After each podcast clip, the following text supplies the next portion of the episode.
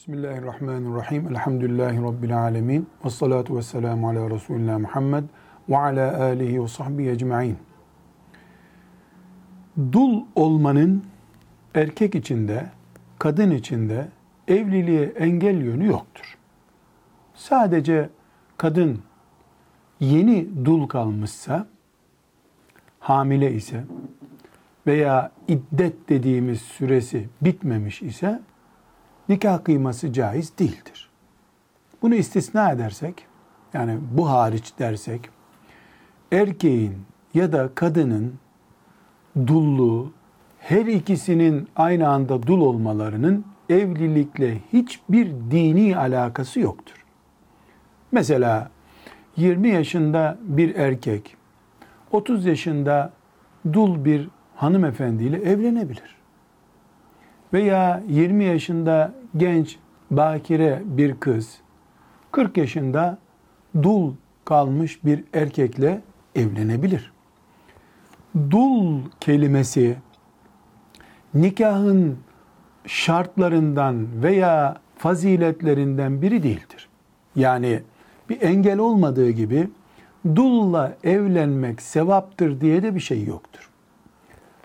Doğrusu olan şudur, herkes kendine uygun bulduğu, huzur bulacağına inandığı erkek veya kadın kim kimle evleniyorsa bir evlilik yapmalıdır.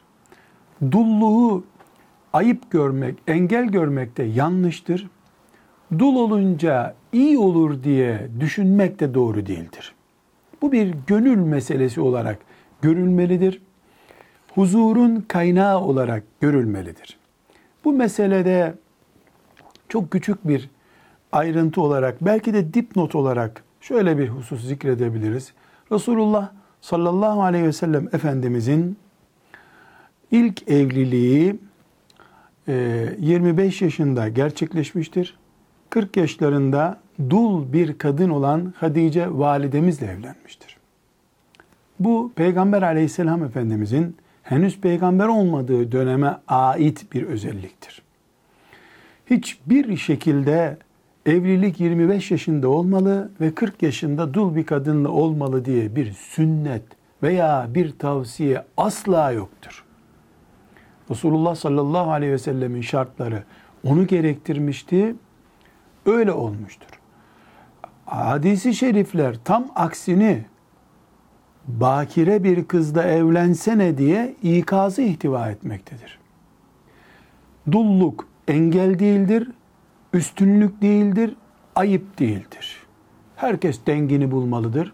Huzur kaynağını seçmelidir.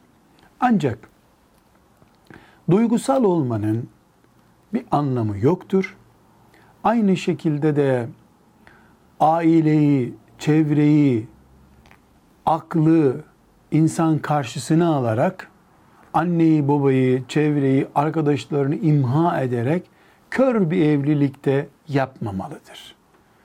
Örfün bu konudaki hassasiyetlerine de dikkat edilmelidir. Ama din olarak Allah'ın şeriatı açısından dulluk erkek içinde, bayan içinde bir ayıp değildir, eksiklik değildir, üstünlük değildir.